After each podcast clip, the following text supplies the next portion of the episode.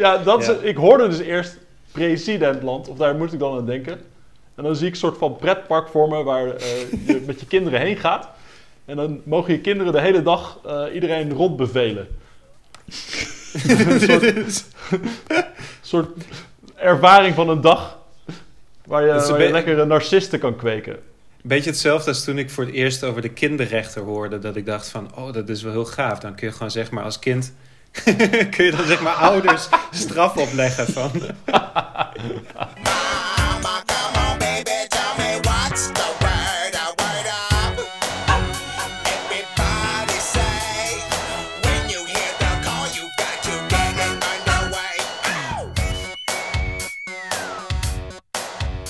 Eh, welkom bij de Verwoorde Onschuld. Deze keer met z'n drieën. Jamie, Yay! Abe en ik. Nou, wat een gezelligheid. Op eh vele Gekke verzoek... huis! Abe, op vele verzoek ben je er weer. Hartstikke leuk. Ja, ik doe het Het voor de eh, luisteraars. ja. Ja, we hebben je een tijdje niet gehoord, maar eh, nou ja, leuk dat je er weer bent. ja, Ehm, super. En ja, we gaan het deze keer hebben over het woord precedentland. Dat is niet het woord van de week van het, van het Instituut voor de Nederlandse Taal. Eh, die hebben namelijk als kuus als woord gekozen. En daar hebben we vorige week al een aflevering over opgenomen. Dus eh, Instituut voor de Nederlandse Taal, leuk dat je luistert. En eh, fijn dat we zoveel invloed hebben. Maar goed, dat was ja, echt ongelooflijk. Dat was dus geen optie, dus vandaar presidentland. Ehm, ja, ik zal eerst even kort toelichten waar het vandaan komt. Het komt uit een column van Sander Schimmelpenning. Waarin hij ehm, vertelt over wat hij noemt knuffelcapuchon Alexander Klupping. En die gaat een rechtszaak beginnen tegen tech-giganten Apple en Google. Eh, die vragen namelijk te veel commissie in hun, eh, in hun app stores aan appmakers. eh, van 30%, dus dat is best wel wat. En nou ja, hij is van plan om, om dat met een paar investeerders te gaan aanvechten. Eh, en Sander Schimmelpenning vindt dat een goed idee. Eh, die zegt namelijk als Nederland eh, ja, hebben we niet zo'n goede reputatie als het gaat om, om grote bedrijven. We zijn best wel een belastingparadijs. En dit Ja. is een mooie kans om daarmee af te rekenen. Ik zal even een stukje nog voorlezen, de conclusie van zijn column. Kortom, ik zie een mooie kans voor ons land. Dat van zijn reputatie als belastingparadijs af schijnt te willen. Stamp zo snel mogelijk een Consumers Right Court uit de grond en maak werk van onze imagoverbetering. Nederland als precedentland. Kunnen we ook weer eens ergens trots op zijn. Nou, Nou, dus dat is een precedentland. Schiet Ja. maar jongens. ja, Abe, jij hebt toch... eh, of jij weet de, de cijfers. Ja, klopt. Ik heb even een beetje ge- gegoogeld. Oeh. Oeh. Want als het gaat om, om, Dat is de om vijand Apple hier, en hè? Google... Ja, als ik, erg als ik, buiten eh, ons uit? ja, kijk, dat is meteen een indicatie van, ja, je kan gewoon niet op Google en Apple heen. Ja, je had ook Alta kan Vista kunnen gebruiken. Een van de twee kun je heen. dat is waar. Of Yahoo. Ja. Maar eh, eh, ze hebben dus in 2021 aan die eh, app stores eh, 101 of 113 miljard dollar aan omzet verdiend. Zo. Eh, en eh, de premie die ze vragen is dus ongeveer 30%. Het is eigenlijk 15% Oh, ja, over ja. de eerste miljoen. Mhm. En dat is al een recente ontwikkeling, omdat ze eigenlijk de druk voelen oplopen. Eh, maar eh, daarna is het 30%. En dat, sorry, dat is dan 30% van die 130 miljard die je noemde? Of, wat? 113 miljard. oh, ja. 113 miljard? Of is die 113 miljard de, de 30% die zij binnenhalen? Nee, de 113 miljard is de omzet. Ah, oké. En daar pakken zij Oh, dus oké, 30% oké. Dus ik neem, Ja. als in, ik heb eigenlijk niet, ik, ik kon niet precies vinden wat, of het nou, welke van de twee varianten dat is inderdaad. Oh, oké. Nou Het ja, het drie keer gaat... zoveel kunnen zijn. maar het gaat om bizarre bedragen. Ja, zeker. Maar wacht, als ik een app niet. heb en die app die, die draait heel goed en ik heb zeg maar een omzet van, van, van 5 miljoen per maand, Ja, dan moet ik dus 30% van die 4 miljoen, bovenste 4 miljoen afdragen en 1, of 15% van die onderste miljoen. Eh, leuk dat je het vraagt. Eh, op Android is dat inderdaad zo. Maar om een onverklaarbare reden heeft Apple ervoor gekozen om het zo te doen dat je, zodra je de miljoenste euro binnenhaalt, je met terugwerkende kracht naar het hogere budget moet. Oeh. Oh! Oh, dus Eh, dan baal je echt allemaal- dat je, Ja. dat je die miljoen hebt. eh. oh, dat is echt best wel een slecht systeem. Dat is niet zo goed eh, doordacht. Nee. Nou ja, in ieder geval eh, behoorlijke bedragen. Nou ja, of tenminste, eigenlijk 30% is ook weer niet zoveel, toch? Want wat je ervoor terugkrijgt is wel een platform.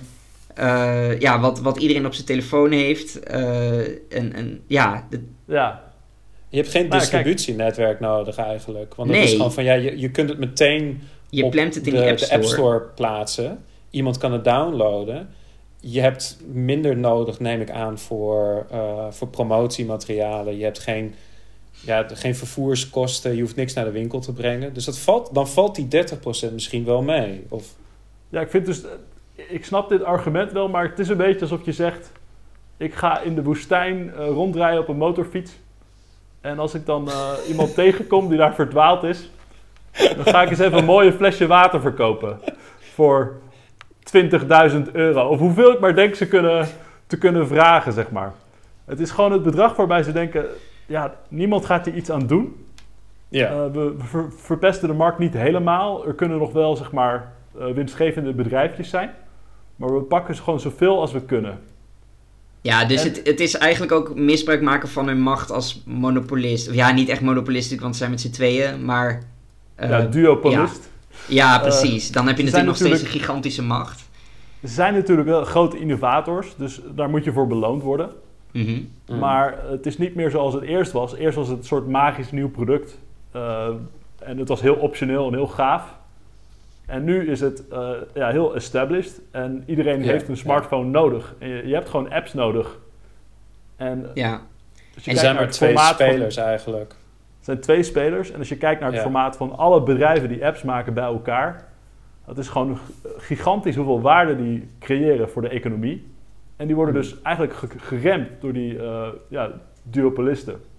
Ja, dus, dus jij, jij zou het wel goed vinden als dit, eh, dit percentage omlaag gaat, als dit aangepakt wordt. Zeker. En ik, eh, Google en Apple zullen er niet wakker van liggen. Nou, gaat, nou, niet- het zijn behoorlijk wat miljarden die ze... ja, ja, maar ze blijven rijke grote bedrijven. Ze gaan echt niet failliet. En ik denk ook niet dat ze minder inno- innoveren hierdoor. Ik denk dat eh, van een lagere premie de innovatie juist eh, heel erg vooruit zou gaan. Ja. wel Is, is, het andere nu een, bedrijven. is het nu een slecht moment om te vermelden dat ik aandeelhouder ben van zowel Google als, als Apple? Tot zover de onafhankelijkheid van deze podcast. ja, ja. Hey, trouwens, Abe, je zegt de hele tijd dat ze zoveel innoveren. Maar innoveren Apple en Google echt zoveel? Want vooral Google, die koopt toch vooral heel veel innovatieve bedrijven op. Dus daardoor hebben ze de hele tijd nieuwe producten. Maar niet omdat ze zelf... eh, Ja, op bedoel, is, is, is... Je moet niet vergeten, Apple heeft gewoon de iPhone eh, ja, als eerste smartphone in de markt gezet. ja, Dat is echte innovatie. Ja, kijk, hoe doen ze dat? Gedeeltelijk doe je dat eh, door inderdaad bedrijven over te nemen en technologieën te combineren met elkaar. Maar ook als je een bedrijfje op, eh, ja, opkoopt en het daarna heel erg opschaalt. Ja, oké, dan is het misschien geen innovatie, maar je voegt ja wel daar echt mag je er waarde ook voor toe. beloond worden. Ja, dat is waar. En het is wel zo dat inmiddels Apple en Google zo groot zijn dat ze ook bedrijfjes die niet per se eh, iets voor ze toevoegen op technologisch gebied kunnen opkopen. Eh, Ja. Gewoon omdat ze dan een, eh, een mooie start-up met slimme mensen kunnen smoren. Dat die niet uitgroeien tot een eh, grote concurrent. Ik, ik heb nog een vraag trouwens van, van, die, ehm, ehm, van, die, van die purchases in, in de App Store. Hoeveel Ja. daarvan is, zijn eigenlijk games?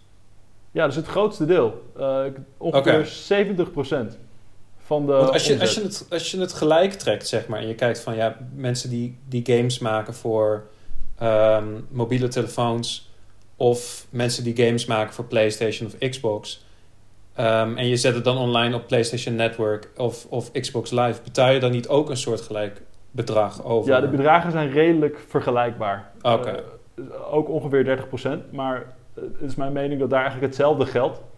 Ja, Eh, ja, je hebt ook geen keus als, als, als producent van. van spelletjes. Ja, Nee. ja. Nee, het is eigenlijk, eh, dit is ooit allemaal innovatief geweest, maar inmiddels is het gewoon infrastructuur. Ja. ja, precies. Dus dan zou dat percentage nu ook wel weer eh, wat omlaag kunnen. Nou, Ja. oké. Ik ben benieuwd. We houden het in de gaten. Oh, en Ja. eh, als je iets wilt doen aan dit monopolie, eh, je kan dus in theorie een, eh, een Duopoly. alternatieve... Is het duopoly? eh, ja, duopolie, ik geloof het wel. Denk het? Is het een niet bipoly? oligopoly? Bipoly, denk ik. Nee, ja, goed. Maakt niet uit. Het is een bipolaire markt. Eh, je, je kan dus eh, een alternatieve Play Store installeren op Android. Hmm. Eh, en dan kun je dus buiten die eh, App Store om. En een voorbeeld is F-Droid. En we zetten in de, in de comments bij eh, deze podcast... eh, leggen we helemaal uit hoe dat moet. Oké, dus als je heel veel virussen en, en malware en spyware wilt, hè, eh, kijk even in de show notes. Nee, het is leuk dat je het zegt, want het is eigenlijk eh, precies andersom. Er Oh. staat veel meer troep in de, in de Play Store inmiddels. Omdat er zoveel financiële winsten te halen zijn. eh, alle Mhm. scammers op aarde eh, weten dat je op de Play Store moet zijn. Ah, oké, dus, dus juist eh, gooi meteen de Play Store van je telefoon af. Levensgevaarlijk, al die, eh, al die Nou scammers ja, daar. Het probleem is En, dat je eh, bepaalde apps niet kan krijgen op zo'n alternatieve Oh, oké. App Store. Maar andere dingen weer wel. Dus het is, eh, het is een goede, goede aanvulling. Hm. Hm. Oké. Ik had trouwens nog wel een, ehm, een opmerking te plaatsen over de column van eh, Schimmel Penning. Oké. Snap hè? Ik kan het wel. Ja, heel goed. Ik kan er wel gewoon zijn naam normaal zeggen. Ehm, namelijk Bijna. dat... eh, wat, Ja, dit was, dit was echt het toonbeeld van, een, van normaal een naam uitspreken. ja, ja, ja, ja. Jay, Dus, eh, me. dus de, de column van Sander Schimmel. Ehm, eh, hij, hij begint dus namelijk over van ja, Nederland als presidentland. Maar je hebt natuurlijk het grote presidentland in de wereld, dat is de VS. Ehm, daar In, welke zin bedoel je dat? Ja, in de zin van dat je zeg maar die, die class action lawsuits, wat hij dus bedoelt Ah, ja. met zo'n zo'n civil court, die heb je dus heel veel in de VS. En je hebt ook bijvoorbeeld heel veel mensen die eh, bedrijven aanklagen en daarbij hele hoge ehm, eh, schadevergoedingen krijgen. Ja. En dat zie je eigenlijk zie je dat een stuk minder terug in eh, Europa. En er is, wordt ook zeg maar wel eens, er is wel eens gezegd en er is wel eens gesuggereerd dat het ook wel, eens ten, dat het ook wel ten dele komt omdat ze in de VS gewoon veel minder een welvaartsstaat hebben dan eh, dat je met name in West-Europa hebt. Mhm. Ja. Ehm, dus het idee daarachter is van, laat ik zo zeggen, je hebt in de VS bijvoorbeeld heel veel, ehm, is rolstoel toegankelijk. Heel veel bedrijven. Ja. En de reden daarvoor is, als jij een bedrijf hebt en je bent niet rolstoel to- toegankelijk, dan loop je het risico om aangeklaagd te worden. En dan loop je het risico om een hele fikse schadevergoeding te betalen. Dus zeg maar, preventief daarvoor zorg jij er al voor dat jij eh, als bedrijf rolstoel toegankelijk bent. Oh ja. Ehm, en dat is een beetje zeg maar het, het ehm, wat niet wordt opgevangen door een, een, een, een welvaartsstaat, wordt dan opgevangen door de rechterlijke macht. En eh, wie Ehm. klaag ik aan als ik eh, geen geld heb om eh, naar het ziekenhuis te gaan? Ehm, nou, je hebt een paar opties. Want je kunt, ehm, als je echt acute zorg nodig hebt, dan kun je altijd naar een ziekenhuis gaan. Ehm, als ze jou. Maar dat, is, dat, dat hoort Want ze mogen je niet weigeren dan. Want ze mogen je niet weigeren. En dat is ook onderdeel van zeg maar, ja, de rechterlijke macht die inspringt als, als, ehm, eh, omdat de welvaartsstaat eh, niet toereikend is. Ze mogen jou niet weigeren. En sterker nog, Oké, als ze jou wel als ze, weigeren, als ze dan kun je ze aanklagen. En als ze jou eh 100.000 dollar rekenen voor een gebroken arm, is dat dan formeel geen weigering? Eh, dat is formeel geen weigering. Nee, maar maar ik denk- het voordeel in de VS is je kunt jezelf failliet laten verklaren. Dat, Nee, maar Abe, ik, ik denk ook niet dat je, dat je zeg maar zo'n precedentsysteem of zo'n juridisch systeem helemaal als verwarring van de verzorgingsstaat moet zien. Alsnog kun Dat je een betere verzorgingsstaat ja, hebben. ja, ja, ja. Eh, en ik denk dat we daar met z'n drie ook wel over eens zijn dat het in West-Europa wel fijner is, hier met de verzorgingsstaat, dan Ja. in de VS. Maar goed, het is beter dan niks. Nou, Ja, het rechtssysteem heeft een functie. Ja. Ik, ik heb wel een voorbeeld trouwens van, van een collega die ik had. Een Belgische collega. Ik heb zelf niet in België gewerkt, maar ik had een Belgische collega. En eh, die, is, eh, die is ontslagen. En ja, een beetje de implicatie was, hij was ontslagen omdat hij niet zo goed kon verkopen als eh, jongere collega's. Dus ze hebben hem ontslagen, ze hebben een jonger iemand voor teruggedaan. Ehm, en dat zou je in de VS zou ik toch denken dat dat waarschijnlijk niet zo, zo zou ehm, eh, zijn gelopen. Want als je daar wordt eh, ontslagen en je kunt je er een beetje hard van maken van, oh ja, dit is, eh, hier, het gaat hier echt om leeftijdsdiscriminatie. Mhm. Ja, dan vrees je als bedrijf gewoon zo erg voor een claim. En in Nederland heb je gewoon veel meer het geval van, ja, weet je, hij was ontslagen, ehm, hij kreeg een gouden handdruk mee, eh, je landt daarna in de WW, wat ook nog wel echt een, een vangnet is. En als jij je Ja. werkgever aanklaagt, dan weet je dat de kosten daarvoor vrij hoog zijn. En wat het je uiteindelijk oplevert, dat is allemaal relatief minder. Ja, Dus wellicht dat hij in de VS nog wel zijn baan zou hebben gehad, maar in, eh, in België niet. Dus in dat opzicht kan het wel een hele hoge eh, eh, schadevergoedingen uitbetalen. En met name aan, aan, aan individuen in plaats van het opleggen van boetes. Dat kan Ja. best wel een afschrikwekkend effect hebben. En dat kan best Ja. wel zeg maar, een, een, zeg maar een, een ja, supplement dienen voor een welvaartsstaat. Want zou je, dat, zou je die kant ook op willen, Jamie?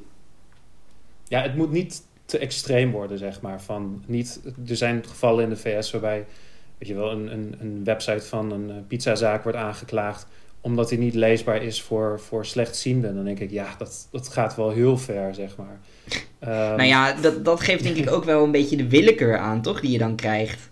Want Ja, ik denk dat- dat, dat er ook heel veel heel dingen erg, zijn die ja. misschien eigenlijk wel aangeklaagd zouden kunnen worden, maar dat dat niet gebeurt. Gewoon omdat toevallig hun klanten niet echt de middelen hebben of er niet aan toekomen. Ja, het is Eh, echt en dat je heel snel gaat schikken als bedrijf. Dat je dan toch denkt van, oef, weet je wel, van als ik deze zaak verlies, dan loop ik miljoenen eh, eh, mis. En als ik nu gewoon ga schikken, dan kan ik dat voor, weet Ja. ik veel, paar, ja, 10.000 dollar kan ik het Nou, dat afhandelen. kan ook nog inderdaad. Ja. Ja. Ja. Dus ik denk dat je ook wel een zekere willekeur eh, op de hals haalt als samenleving. Nou ja, eh, conclusie van de podcast is denk ik eh, toch wel goed, zo'n zo'n welvaartsstaat, toch? Ja, Eh. en een sterke rechterlijke macht. Ja. Ja. Dat doen we er gewoon bij. Hey jongens, ik zat ook nog even te kijken naar eh, het presidentland. Heeft voor mij ook wat andere betekenis. Want president heeft, is natuurlijk in principe een juridische term. Maar wij hebben ook eh, in de jaren negentig hebben we natuurlijk heel veel presidenten geschept als Nederland. Geschept, zegt dat Mhm. goed? Eh, Ja. Op wetgevinggebied. Ehm, door de regering, of door de, de Tweede Kamer eigenlijk. Want we hebben het homohuwelijk eh, gelegaliseerd. Als, volgens mij als allereerste land, in ieder geval als een van de eerste. We hebben een heel progressief... Ja. We hebben een heel progressief softdrugsbeleid zijn we gaan, gaan voeren. Eh, en je ziet dat andere landen, die komen daar dan vervolgens achteraan. En ik, ik vond dat wel een heel mooie ontwikkeling. Ehm, ja, Ja. toen nog niet, want ik, ik was nog te jong om dat echt eh, goed te kunnen waarderen. Maar ehm, dat is denk ik iets om heel erg trots op te zijn. En dat is ook, hè, Schimmelpenninck zegt dat ook, van Nederland als presidentland kunnen we ergens trots op zijn. Want de laatste tijd hebben we dus dat niet. president in een heel brede zin eigenlijk. Ja, dat nou, is dus dat- niet, niet, niet in de juridische zin, maar gewoon president als in van... Ja, de, ehm, ehm, wij zetten gewoon de standaard neer en... precies. Ja. ja. Nou, en, maar de laatste tijd hebben we dat niet echt meer. Want we hebben natuurlijk in. ehm, eh, kijk, om, om even. eh, eh, hou me tegen als ik uit de bocht schiet, eh, Jamie, met je politicologie. Maar ik zal even de, de politieke ontwikkeling van de afgelopen 30 jaar eh, even duiden. Hou me tegen! Gaan we gaan we het over Kijk. paars hebben? Kijk, we hebben natuurlijk drie eh, grote blokken traditioneel gezien in Nederland. We hebben links-progressief, we hebben centrum-rechts en we hebben eh conversioneel, of conservatief. En het is eigenlijk altijd zo geweest dat twee van die drie blokken aan de macht zijn. En op het moment dat dat, eh, dat, dat conversioneel even weg is, kan er vooruitgang geboekt worden. Hè. Dat, dat is eigenlijk al vanaf 1900 zo. Zonder het CDA kun je, kun je vrouwenkiesrecht invoeren. En zonder het CDA kun je het homohuwelijk eh, ook invoeren bijvoorbeeld. Eh, dus om de zoveel tijd is er, ligt er zo'n kans om, om echt eh, een stap voorwaarts te zetten. Maar de laatste, eh, en in de jaren 90 was dat ook zo met paars. Maar de laatste jaren is eh, links-progressief natuurlijk helemaal opgelost. Eh, ja, in, in, nou ja, het is sowieso gesplitst weer in links en progressief. En bovendien zijn die samen nu ook veel kleiner, omdat het deels ook is weggelopen naar, eh, naar populistisch. Ehm, en eh conventioneel is ook kleiner geworden. Dus ja, wat hou je dan over? Centrum rechts, die gaan geen enorme stappen vooruit zetten. Het enige wat zij doen is de overheid heel klein maken. Ja, En, dan krijg je niet meer dat soort, dat soort stappen vooruit. En dan moet denk ik de rechterlijke macht inspringen. En dat is wat je de laatste tijd ook ziet gebeuren. Met, Mm. nou, want je hebt niet alleen deze zaak, je hebt ook die Shell-zaak bijvoorbeeld, hè, waar, waar ook, ehm, dat, dat, dat lijkt hier heel erg op, ook een groot bedrijf door de Nederlandse rechter op de vingers is getikt. Je hebt Urgenda, dat is een iets andere zaak, daar is het meer de overheid, maar dat is ook een, een krachtig signaal vanuit de rechterlijke macht, omdat volgens mij die politieke macht qua presidentwerking een beetje is weggevallen. Ik, ik wil- wilde ook nog eventjes graag aan toevoegen dat zeg maar de, eh, waar de VVD vroeger, tenminste in mijn optiek, eh, wat progressiever was, relatief gezien, Mhm. ehm, is de VVD nu een beetje een catch-all partij is geworden. Een hele grote eh, partij en ook Ja. een beetje naar het midden is geschoven. Is hij ook iets conservatiever geworden in, in, naar mijn gevoel. En bij het CDA dat heb ik juist het gevoel dat hij iets, iets minder conservatief is geworden. Maar dat het uiteindelijk niet veel uitmaakt voor ehm, ja, daadwerkelijk doorvoeren van progressief beleid. Dat is toch ja, echt stil komen te vallen. Ik ja, stil komen te vallen. eh, Die trein, die trein die gaat nog wel door, maar die, die heeft niet meer zo'n eh, vaart als vroeger. Ik heb soms het idee dat de VVD niet per se naar links of naar rechts is geschoven, of populistisch of niet populistisch. Maar dat ze vooral een beetje de favoriete onderwerpen van allemaal stromingen die tegen de VVD aanhangen, pakken en die dan uitvoeren. En daarbij eigenlijk niet kijken of dat heel erg consistent is met elkaar. Dus van, ah, we doen ook, ja, ook wat voor, eh, voor het klimaat. En dan gaan we stikstof gaan we opeens heel serieus nemen. Eh, ja, maar zo, zo word je niet eh, progressief natuurlijk. Nee, Zo, zo krijg je niet iets nieuws voor elkaar. Het is geen leiderschap waarin je echt zeg maar op moreel gebied eh, nou bijvoorbeeld een homohuwelijk invoert. nee, maar, Maar ik vind ook dat de VVD moreel heel zwak is de laatste tijd. Eh, ja, ze zijn echt bezig om een, eh Nou, om een machtspositie te behouden. Maar dan ben ik ook wel nieuwsgierig hoe jullie ernaar kijken van dat je... Ja, je hebt in de VS heb je dus zeg maar twee, ehm, twee grote partijen die... Ja, ik zou zeggen van allebei niet super progressief zijn. De democraten, die worden door de republikeinen wel afgeschilderd. Dat is heel progressief. Dat, dat is helemaal niet het geval, voor mijn gevoel. En dus dat je zeg maar een rechterlijke macht hebt die soms wel echt voortouw erin neemt. Van je hebt bijvoorbeeld... eh, Ja. de beroemdste zaak, eh, de beroemdste zaak is natuurlijk eh, Jane, Jane Doe ehm, van de abortus, abortusrecht. Dat is dus echt door het Hoge, Ro- Roe Hoge Rechtshof. toch? Oh ja, Roe v. Wa- Roe Wade. versus sorry. Wade. Ja. Ehm, en dat is, dus, dat is dus, dat was dus de rechterlijke macht die eigenlijk ja, vooruit liep op eh, de progressiviteit van de politiek. Ja. Maar ik, ik weet, ja, eh, wat jij net omschreef, Jan Willem. ehm, heb je dan een beetje het gevoel dat Nederland misschien ook die kant op gaat? Of maar op moet gaan, omdat je anders echt een soort van impasse hebt wat je, wat je kunt bereiken? Nou ja, voor de duidelijkheid, ik, ik vind het best wel een eh, vervelende ontwikkeling eigenlijk. Want eh, ik, ik ben op zich heel erg eh, positief sta ik tegenover de rechterlijke macht. Maar uiteindelijk denk ik dat, dat die progressieve ideeën nog beter... Het is nog beter als dat vanuit de politiek voortkomt. Want die, dat is democratisch gekozen. De, de rechterlijke macht doet in principe alleen aan grondrechten. En daar kan natuurlijk ook van, van alles uitkomen. Zoals bijvoorbeeld bij Roe versus Wade. Maar... ehm, ja, ik heb niet het idee dat we daar echt. ehm, want ik, ik zou liever zien dat de politiek bijvoorbeeld ook een Apple en Google zou aanpakken met wetgeving. In plaats van dat het weer via de Hmm. rechterlijke macht moet. Absoluut. Ik, ik dacht eh, om af te sluiten is misschien leuk om, om ehm, wel te kijken naar de dingen die we wel hebben bereikt als Nederland. En dan moeten we ver terug natuurlijk. Eh, Eh, maar, we gaan eh, het ik niet zat hebben sowieso- over VOC-mentaliteit, toch Jan? Niet zo ver terug. Nee, niet zo ver, want dan begeven we ons op heel, eh, heel risicovol gebied. en nu voor onze special guest Jan-Peter Balken. Kom maar binnen. Nee, ik zat even te kijken. Ehm, kijk, een van de mooiste dingen volgens mij die we hebben bereikt als Nederland zijn de Delta-werken. Hmm. Ik, ik ik heb niet opgezocht wie er toen aan de macht waren. Misschien wel CDA, dat weet ik niet. Ehm, maar die, die zijn ook eh, in de jaren negentig gekozen door de eh, American Association of Civil Engineering. ehm, tot een van de nieuwe zeven wereldwonderen. Nou, super gaaf natuurlijk. Dat hebben we toch als klein kikkerlandje maar weer mooi voor elkaar. Wel Eh, heel Hebben jullie reactief. toevallig... Ja, wel heel reactief. Ja, dat is waar. Het was natuurlijk nog beter geweest als we het voor een overstroming hadden. Ja, dat, dat was pas echt handiger geweest. Ja. Waarschijnlijk, waarschijnlijk was het CDA aan de macht toen. Dan hebben we dat daarom niet gedaan. Nee, maar hebben jullie enig idee wat de andere zes eh, moderne wereldwonderen zijn? Die dus allemaal qua engineering heel, eh, heel bijzonder zijn. De Hoover De. Hoover Dam.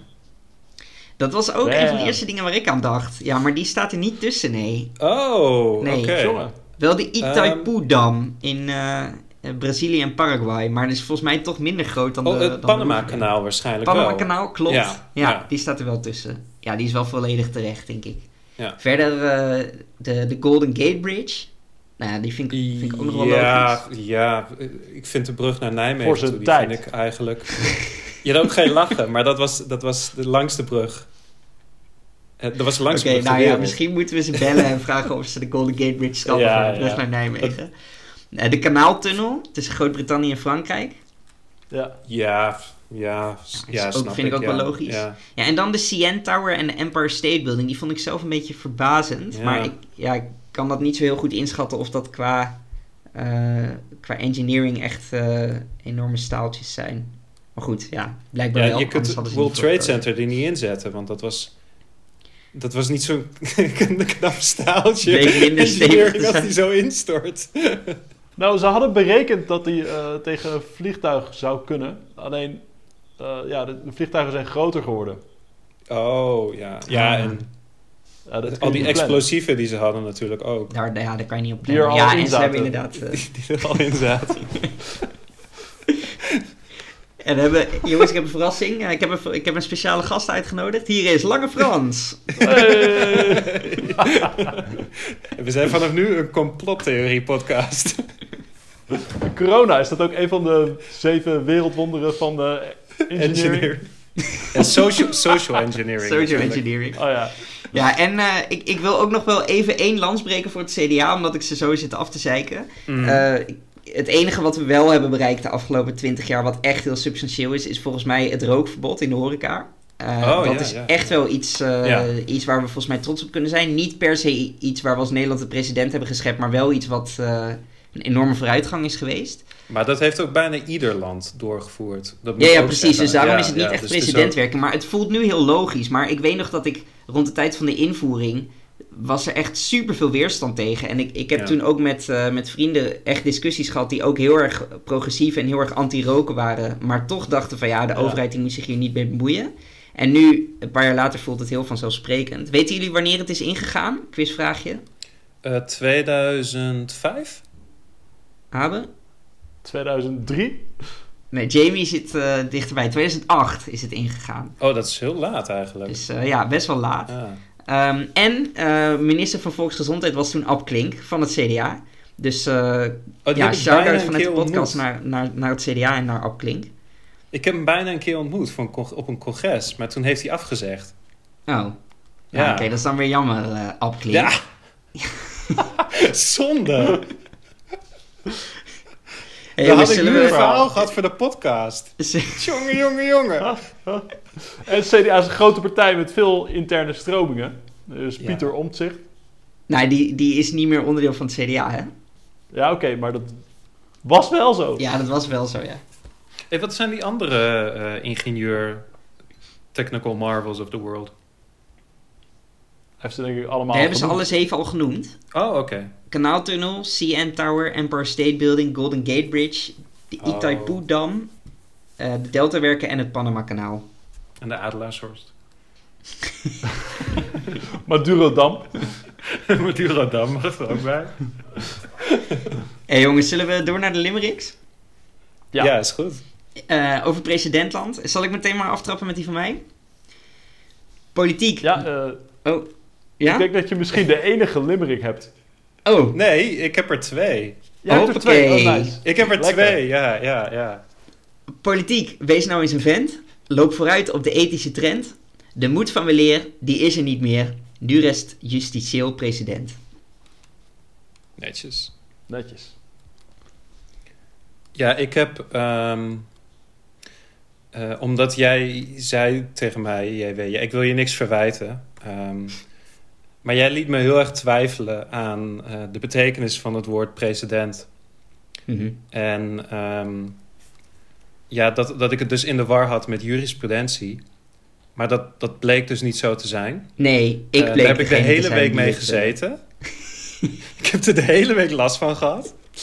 Ehm, dus dus, dus ehm, ja, vandaar deze, deze limerick. Wat is het toch een lul van een vent? Die doet twijfelen aan het woord president. In al zijn pretentie zei hij jurisprudentie, alsof hij de rechtsleer echt kent. maar, maar, en ik heb ook nog een limerick geschreven die kritisch naar mijzelf is. Oké. Jongen. Ja. Wanneer ga ik mijn lesje eens leren? Die jongen wil alleen maar duperen. Bij een podcast maken zal hij niet verzaken, zolang hij een ander kan kleineren.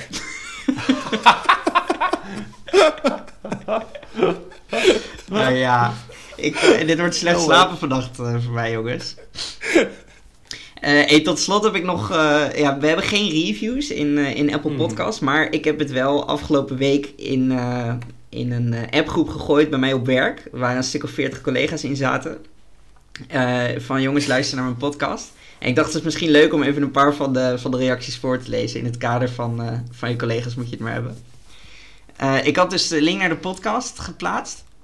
En eh, de eerste reactie was: Ik heb het 14 minuten volgehouden.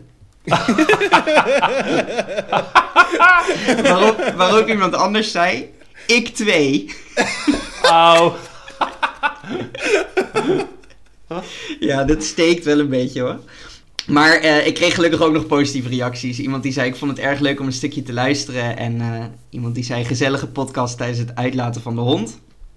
Er was ook nog iemand die zei. eh, die had de aflevering over acclamatie geluisterd. En die zei: Waarom heet dat geen liquidatie? Dat vond ik nog wel een eh, Oh, mooie vondst. Ja, goede vondst. Ja, dan kan je Oh, eerst hele geliquideerd goede worden en daarna limerick mee kunnen geliquideerd. maken. Ja, Wat zei je? daar had je een hele goede limerick mee kunnen maken. Ja, zeker ja. Ja. Ja. Nou ja, gemiste kans, maar eh, het is niet anders. Ehm, tot slot, wat vinden jullie van het woord? Presidentland. Ik vind het een mooi woord. Ja? Ja, ja ik vind het wel, het, het is wel verwarrend. Eh, want als je het zegt, dan denk je eigenlijk meteen aan presidentland. Ja. Presidentland. Ja, dat Met ik de hele familie Ja, plezier. dat Je bedoelt dat pretpark, toch? Ja, dat vind ik Ja. ook verwarrend. Het pretpark dat Abe heeft bedacht. waar, Hoeveel je, dynastieën doe jij mee? Waar je, weet je, wel, kinderrechter kan zijn en eh, je- Ja. ja, ja, Ja. een dag president bent. Kinderarts. Eh, nee, maar ik vind, ja, het is weer een samengevoegd woord. Mhm. Ehm, maar het, het bekt op zich ook wel lekker presidentland. Oké. En het is niet zeg maar een samengevoegd woord met een Engels woord tussen. Dus dat scheelt ook. Ik vind het wel een aardig woord. Niet heel bijzonder. Presidentland. Ja, wel oké. Ik, ik ga het eh, gewoon een gemiddelde rating geven van eh drie van de vijf op de rem staande CDA-ministers. Zo. Ja, ik, ik denk dat hij hem niet gaat redden eigenlijk, dit woord. Want het, ik denk dat het te veel overlapt met eh, ja, het begrip wat we al hebben over... Ja, een land kan gewoon de kaart trekken. Kan voorop lopen, kan progressief zijn. Ja, En ja, dit woord voelt gewoon overbodig. Eh, twee sterren Oh. uit de grote beer. Ik geef het, eh, eh, ja, het drie eh Adelaarshorst eh, stadions. Van de vijf. oké. Maar nu jullie dit zeggen, ben ik ook wat gematigder over mijn positiviteit over het Oh, je laat je gewoon beïnvloeden. Ja, ik ben heel We hebben eigenlijk hebben wij een president geschept met onze lage ratings. Ja, hij Ja, weet ja, gewoon, echt. als hij hoog gaat zitten, dan klagen we hem aan. En dan moet hij ons 3 miljoen boete betalen. Oké jongens, nou dat, eh, dat was hem. Eh, aan onze luisteraars zeg ik... eh, je kunt ons bereiken op deverwoordenonschuld.gmail.com of Al- als je bestaat. Twitter. Als je bestaat, ja. Nou, Ja, daar zeg je wel wat, Abe, want... Ik ben eigenlijk wel heel erg, statistiek. heel erg benieuwd. We hebben wel wat statistieken en er zit een lichte stijging de laatste tijd in onze... Of ja, de laatste tijd. We zijn eigenlijk nog maar net begonnen, maar er zit een lichte stijging in het aantal luisteraars. Zo. Nou weet ik van een aantal van mijn eh, vrienden, collega's, kennissen dat ze luisteren. Ehm, maar inmiddels zijn er meer luisteraars dan ik kan opnoemen. Wat suggereert dat er ook wel mensen zijn die, waarvan ik niet weet dat ze luisteren, of mensen die wij niet eens persoonlijk kennen. Is dat zo? Ben jij een luisteraar die ons niet persoonlijk kent? Laat dat even weten, want daar zijn we natuurlijk heel erg benieuwd naar. ja, Ehm, wie ben je? wie ben je En eh, wat vind je van de podcast? En wat kunnen En we wat, doen wat om, vind je om, leuk? eh, om het voor jou nog leuker te maken? Precies. Ja. Ja. Ehm, ik kreeg net een berichtje door trouwens. Dat is eh, misschien wel half positief. Ehm, een vriend van me die, die is Oekraïens. Ehm, en ik vroeg ehm, ja, hoe het gaat. En hij stuurt nu net door, vijf minuten geleden. Hi, yeah, I'm okay. Parents are in, in Ukraine. They're also okay. Fucking Putler. Ehm Poetin, Hitler. En Ah. ik wou nog eventjes kwijt van... Dat is nu ja, het presidentland... Dat is nu ook een presidentland eigenlijk, Rusland. Die zet nu ook een president. Van ja, dat grenzen Of maken heeft het niks. eerder al Ja. gedaan. Ja, ze hebben, ja, inderdaad, met de Krim hebben ze natuurlijk al een president eh, gezet. Ja, Ja. oké. nou ja, ik wilde op een vrolijke toon eindigen, maar... eh, Nou, dit, ik vond dit juist vrolijk. Ik dacht van, oh, ja, dat, dat is, nou, waar. zijn oké. Die, die kennis is oké, ja. Ja, ja Voor ik maakte me in één keer zorgen. Ja, dat hij werd opgetrommeld of zo. Dat hij mee moest vechten. Nou, dat is goed om te Eh, horen dat eh, hij... eh, dat hij oké is. Eh, jongens, tot de volgende keer. Ehm, binnenkort, dat durf ik al wel vast te beloven, gaan we een aflevering maken of een deel van de aflevering over de film Dread. Mhm. Ehm, alvast een kleine spoiler. Jamie is positief en ik negatief. Wat een verrassing. Eh Abe heeft hem nog niet gezien, maar gaat dat wel doen. Ehm, ja, dus mocht je dat leuk vinden, dan kun je hem nog even kijken. Hoewel ik hem dus niet zou aanraden. Maar Gewoon kijken is eh, gewoon nou een ja, leuke dan kun je in ieder geval eh, daarna dan kun je ook meeluisteren luisteren. met, met de podcast. Ja. Gewoon kijken is gewoon een leuke film. Tot de volgende keer. Nou, Nog een eh, korte tot de volgende oproep. keer. Heb jij een flip-over-verzameling? Vertel ons erover.